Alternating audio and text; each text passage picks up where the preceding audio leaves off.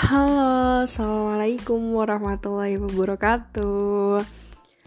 Apa kabar semua? Maba Universitas Muhammadiyah Malang 2020 Masih tetap sehat ya, masih tetap semangat. Oke, di materi selanjutnya ada aku, Rahel Putri Rahim Bisa dipanggil Rahel. Kali ini ada tiga materi yang akan kita diskusikan bareng-bareng kita kupas tuntas bareng-bareng. Tapi sebelum itu, silahkan persiapkan alat tulisnya, kertas, dan semua alat-alat yang dibutuhkan untuk mendengarkan podcast dari materi yang mungkin bisa bermanfaat buat teman-teman ke depannya. Oke, pertama nantinya aku akan uh, menyampaikan empat materi sesuai dengan rondon yang telah diberikan. Yang pertama ada budaya perguruan tinggi dalam subbab literasi digital dan etika bermedia sosial. Nah, yang kedua nantinya aku akan ngebahas dan berdiskusi dengan kalian-kalian tentang wanita karir dan yang ketiga itu tentunya materi yang sangat ditunggu-tunggu ya, yaitu tentang uh, love is universal. Oke, okay. sebelum itu kita buka materi kita pada hari ini dengan baca basmalah bersama-sama. Bismillahirrahmanirrahim. Oke, okay. yang pertama aku akan menyampaikan materi yang keempat, sambungan dari materi-materi sebelumnya. Nah, materi yang keempat ini membahas khusus untuk teman-teman yang perempuan. Nah, temanya tentang wanita karir. Banyak memang kita sering mendengar wanita karir. Eh, kamu habis S1 mau ngapain? Atau eh nanti kamu mau jadi apa sih? Gitu mau jadi ibu rumah tangga kah atau jadi wanita karir? Nah, biasanya pertanyaan yang digadang-gadang atau pertanyaan yang disuguhkan oleh orang-orang itu seperti itu ya. Wanita karir. Sebenarnya apa sih yang terbesit di pikiran teman-teman tentang wanita karir gitu? Atau kalau aku pribadi gitu kan, Berpikir dengan kata-kata wanita karir berarti seorang perempuan yang bekerja, mungkin itu ya, atau seorang perempuan yang dia bisa menghasilkan uang sendiri seperti itu. Nah, di sini ada dua, ada dua persoalan yang nantinya akan kita diskusikan di sesi terakhir atau di uh, penilaian evaluasi terakhir dari acara ini. Yang pertama, uh, apa benar sih diperbolehin nih wanita untuk berkarir dan kenapa wanita itu diperbolehkan untuk berkarir? Itu yang pertama. Nah, yang kedua, kita akan membahas bagaimana pandangan Islam mengenai wanita karir. Sebenarnya wanita karir di dalam Islam itu seperti apa sih? Boleh apa enggak? Uh, kalaupun boleh bagaimana syariatnya kalau nggak boleh apa alasannya nah kayak gitu. Itu yang bakalan kita bahas ke depan. Nah yang pertama nih kita masuk di ruang diskusi kita. Yang pertama tentang wanita karir. Sama uh, sama seperti yang aku sampaikan tadi ya wanita karir apa sih uh, pikiran pertama yang kamu pikirin tentang wanita karir pasti wanita itu bekerja. Nah sama setiap laki-laki dan perempuan diciptakan untuk saling melengkapi. Nggak mungkin lah diciptain itu cuman hanya untuk sebanding dan lain sebagainya seperti itu ya. Allah memberikan kelebihan bagi keduanya dengan beberapa kemampuan dan bakat untuk bekerja sesuai dengan kemampuan yang dapat dilakukan. Nah, masing-masing, masing-masing dari laki-laki, masing-masing dari setiap perempuan hendaknya tulus dalam melakukan peranannya sesuai dengan yang telah ditentukan untuknya. Jadi punya hak dan kewajiban masing-masing, kemudian punya uh, punya tugasnya masing-masing dan lain sebagainya. Nah, kemudian bagaimana gitu kan? Sejak sejak munculnya modernisasi di berbagai bidang yang disertai dengan perkembangan sains dan teknologi, banyak merubah pola pikir dan aktivitas kaum wanita serta turut mempengaruhi ideologi dan sudut pandang mereka terhadap peran yang dahulu biasa mereka lakukan. Jadi, munculnya modernisasi itu sedikit banyak mempengaruhi sekali, berpengaruh sekali pada uh, pola pikir tentang aktivitas kaum perempuan atau kaum wanita gitu ya. Wanita atau perempuan bukan lagi yang tinggal di rumah dan mengurus pengerjaan uh, pekerjaan domestik. Biasanya wanita karir itu identik dengan seperti itu. Tapi apa biasanya? Melainkan wanita telah diberikan kebebasan yang sama sebagaimana dengan laki-laki. Peran perempuan, peran wanita ada yang mungkin sebagian menempatkan dan memberikan kebebasan di ruang publik itu sebagaimana pekerjaan laki-laki atau pria. Nah, bukan hanya sekedar kesempatan belajar yang sama dengan pria. Nah, begitu juga dalam hal pekerjaan. Sekarang banyak wanita yang berkarir dan mandiri dari segi ekonomi. Dia bisa membeli kebutuhannya sendiri tanpa uh, tanpa harus meminta orang tua mungkin atau tanpa harus meminta pacarnya atau tanpa harus uh, istilahnya meminta-minta kepada orang lain, khususnya kepada laki-laki. Nah, segala jenis pekerjaan bisa ditempati oleh wanita saat ini. Dari pekerjaan yang mengarah pada pemikiran sampai pekerjaan yang mendahulukan otot. Hampir tidak terlihat lagi perbedaan di antara keduanya. Itu yang perlu dipertanyakan. Bahkan sama-sama memiliki hak status, peranan, dan kesempatan untuk berkembang dan berkontribusi dalam struktur masyarakat saat ini, apalagi masyarakat modern di tengah era 4.0 yang bakalan berkembang lagi sekarang gitu kan. Nah, peran wanita seperti itu bukan gak ada alasan gitu kan Mungkin banyak faktor yang menjadi dorongan tersendiri bagi wanita untuk memanfaatkan emansipasi yang telah didapatkannya. Nah, pandangan masyarakat umum tentang wanita karir pun telah diperkuat ya. Dan selain diperkuat, itu pun wanita karir pandangannya juga mungkin ada yang e, menimbulkan kontroversi dan itu memang cukup kontroversial sekali. Anggapan tersebut mungkin ada benarnya juga gitu kan. Namun ketika menjadi wanita karir juga salah satu bentuk dari perwujudan adanya emansipasi wanita yang diperjuangkan oleh RA Kartini. Tapi tentunya kita pasti punya rambu-rambu, punya batasan-batasan. Sampai mana sih wanita karir itu berada pada level up-nya gitu.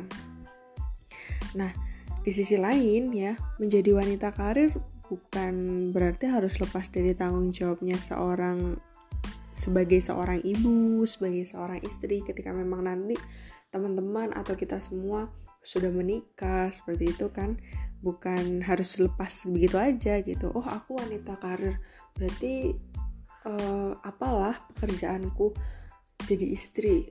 Aku masih belum butuh jadi istri. Mungkin bisa aja tapi teman-teman juga dituntut uh, besok besok atau kelak nanti teman-teman bakalan jadi istri teman-teman bakalan jadi seorang ibu yang punya anak harus ngedidik anak ngerawat suami kayak gitu.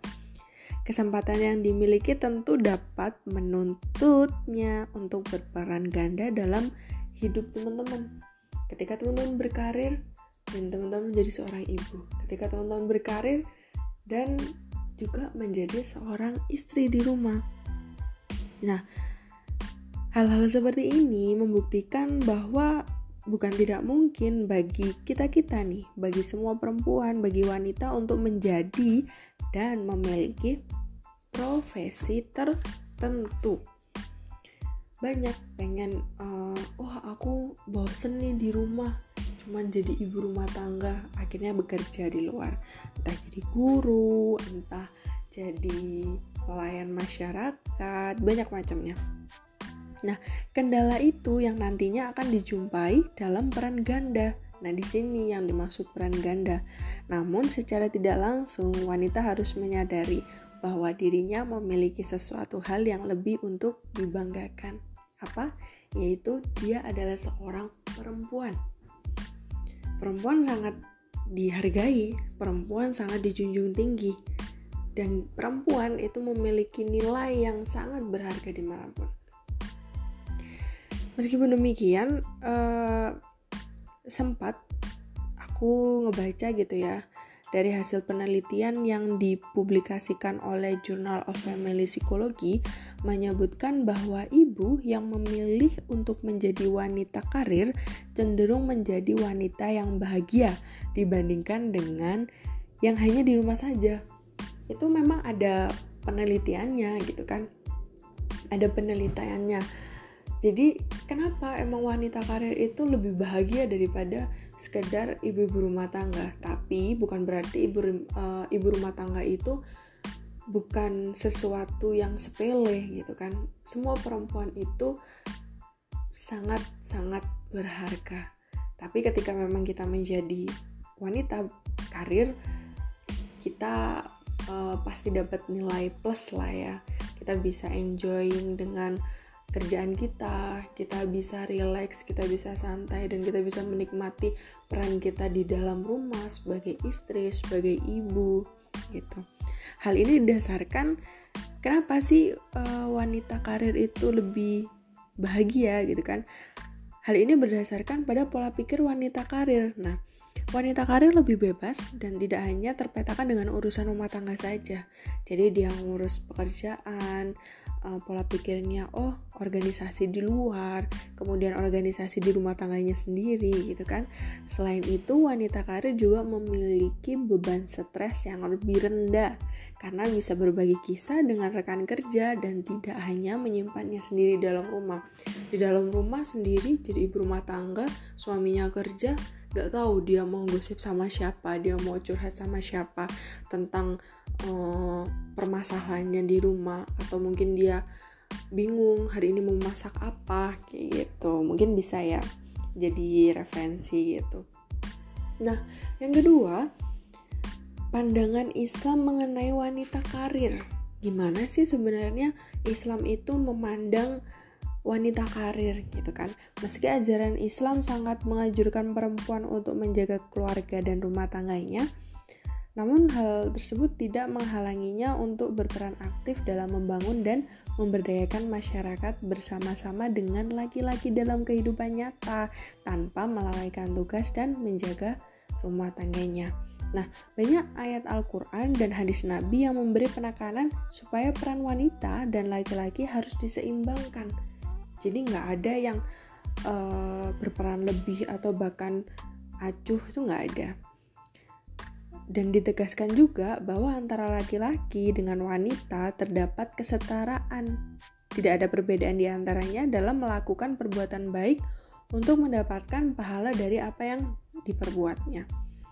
Nah, men uh, menurut Islam, bekerja bernuansa duniawi dapat bernilai ibadah bila dilakukan dengan tujuan yang benar yaitu mencari ridho Allah taala.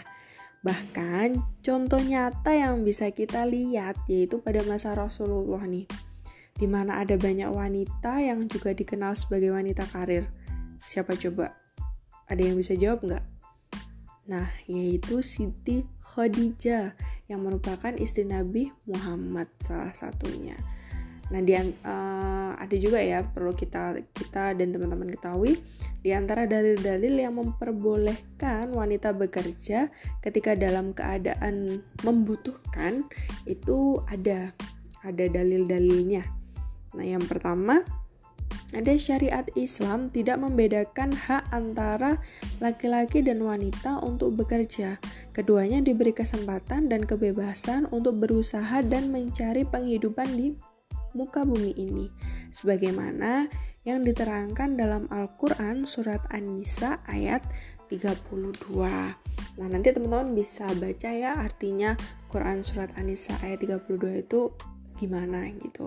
Nah ini sedikit aku jelasin ya. Dari ayat itu Quran Surat An-Nisa ayat 32 terdapat bukti atas adanya hak wanita untuk bekerja dan uh, bekerja dan beribadah maupun berkarya gitu. Wanita memperoleh imbalan dan pahala yang tidak berbeda dengan laki-laki. Nah, dengan demikian jelas bahwa wanita bisa berkarir dan dapat mencapai prestasi sama dengan laki-laki atau bahkan melebihinya dan tergantung pada usaha dan doanya. Nah, tentu juga di sini poinnya walaupun kita bisa seimbang dengan mungkin suami kita atau dengan laki-laki gitu ya, dengan konteks apa pun itu, kita jangan sampai ada rasa uh, aku ini lebih dari kamu. Jangan, karena itu bakalan merusak apa pun yang udah kita punya.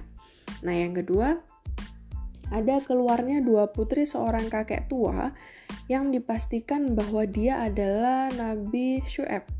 Itu cerita ya, untuk memberi minum domba-domba dan mengembalakannya.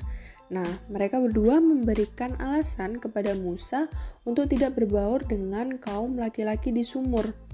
Maka mereka berdua berkata, teman-teman bisa lihat di Quran Surat Al-Qasas ayat 23 yang artinya kami tidak dapat memberi minum. Di situ yang dimaksud ternak kami. Sebelum penggembala-penggembala itu memulangkan ternaknya, sedang ayah kami adalah orang tua yang telah lanjut usianya. Nah, maksudnya di sini apa?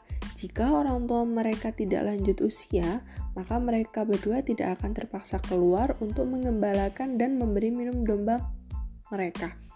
Nah, jadi di sini yang bisa kita garis besar yang pertama kan eh, dalil-dalil yang membolehkan wanita bekerja ketika dalam keadaan membutuhkan. Nah, dari dalil dalil yang kedua ini dari cerita itu ketika memang orang tua kita sudah lanjut dan memang uh, dianggap tidak ada yang bisa membiayai lagi gitu ya, membiayai si perempuan.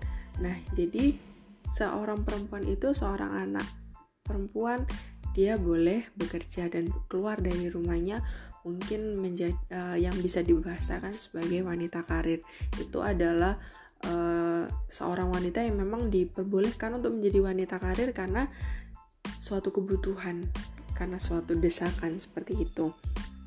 Nah, yang ketiga ada dari riwayat Al-Bukhari dan Muslim bahwa Asma binti Abu Bakar, istri Zubair bin Al-Awam, membantu suaminya untuk mengambil pakan kuda. Nah, kemudian pada suatu ketika secara tidak sengaja Nabi bertemu dengan uh, dengannya dan dia sedang me, apa ya istilahnya me, menyisihkan biji-biji kurma di atas kepalanya dengan jarak 3 farsoh. Nah, 3 farsoh itu bisa di ini ya, bisa dibandingkan gitu. Itu istilah zaman dulu gitu kan. Beliau pun tidak mengingkari perbuatan tersebut, bahkan beliau menawarinya untuk naik di belakangnya lalu dia malu. Dia pun tidak meninggalkan pekerjaan hingga ayahnya memberinya budak perempuan yang membantu meringankan pekerjaannya. Nah, kemudian hanya saja ya, hanya saja uh, jika seorang wanita keluar dan memutuskan untuk menjadi seorang wanita karir, hendaknya mereka memperhatikan pada beberapa hal yang memang menjadi batasan-batasan seorang perempuan, batasan-batasan kesanggupan seorang wanita, itu kan uh, biasanya apa sih batasan-batasan seorang wanita berkarir gitu kan? Yang pertama, meminta izin kepada suami atau walinya. Nah, ini cukup penting ketika memang teman-teman nantinya sudah bersuami untuk sekedar bekerja, itu teman-teman harus minta izin sama suami. Jangankan bekerja, untuk semisal teman-teman itu ingin melanjutkan studinya seperti S2 nih dan teman-teman posisinya udah menikah teman-teman harus minta izin sama uh, suami teman-teman untuk supaya diperbolehkan melanjutkan studinya gitu. Yang kedua, menutup aurat yang wajib ditutup dengan pakaian yang tidak ketat dan tidak tembus pandang. Itu ini udah tentu ya, karena e, dari dulu ajaran is, e, Islam mengajarkan seperti itu. Yang ketiga, tidak bertarbaruj ya secara berlebihan. Itu juga dari awal kita sudah ketahui bersama serta tidak berhalwat yang diharamkan dalam pekerjaannya, menjaga etika dalam sikap dan perbuatannya kepada orang lain. Nah, yang paling penting dan paling jelas nih, teman-teman harus camkan nih bahwa seorang wanita tidak menjadikan pekerjaannya sebagai alasan untuk lalai terhadap kewajibannya kepada robnya yang pertama yang kedua kepada suaminya, yang ketiga anaknya, bahkan keluarga atau sampai orang tuanya. Jangan ya, jangan sampai kita setelah kita menjadi wanita karir kita lupa akan segalanya gitu. Oleh karena itu, agama Islam menghendaki agar wanita melakukan pekerjaan atau memang wanita itu berkarir yang tidak bertentangan dengan kodrat kewanitaannya kecuali pada aspek-aspek yang dapat menjaga kehormatan dirinya, kemuliaannya, dan ketenangannya, serta menjaganya dari pelecehan dan pencampakan. Tidak ada alasan yang melarang seorang wanita untuk berkarir, asalkan sejalan dengan tanggung jawab keluarga yang masih diperhatikan dan berpondasi pada tujuan yang baik. Oke, sekian materi keempat tentang wanita karir dari aku, Rahel Putri Rahim. Semoga bermanfaat. Jika uh, jika ada pertanyaan yang ingin didiskusikan atau dipertanyakan kepada aku, silakan langsung tanyakan di grup atau langsung bisa WhatsApp pribadi di nomor aku. Selamat Selamat menjadi mahasiswa baru, selamat beradaptasi dan semangat untuk mengajar mimpi dan cita-cita. Semoga teman-teman di sini bisa menjadi mahasiswa-mahasiswa yang berprestasi, mahasiswa yang mempunyai segudang aksi dan sejuta kreasi yang sangat inovatif inovatif untuk ke depannya. Oke, okay? salam semangat dari aku. Syukron ala ihtimamikum. Assalamualaikum warahmatullahi wabarakatuh.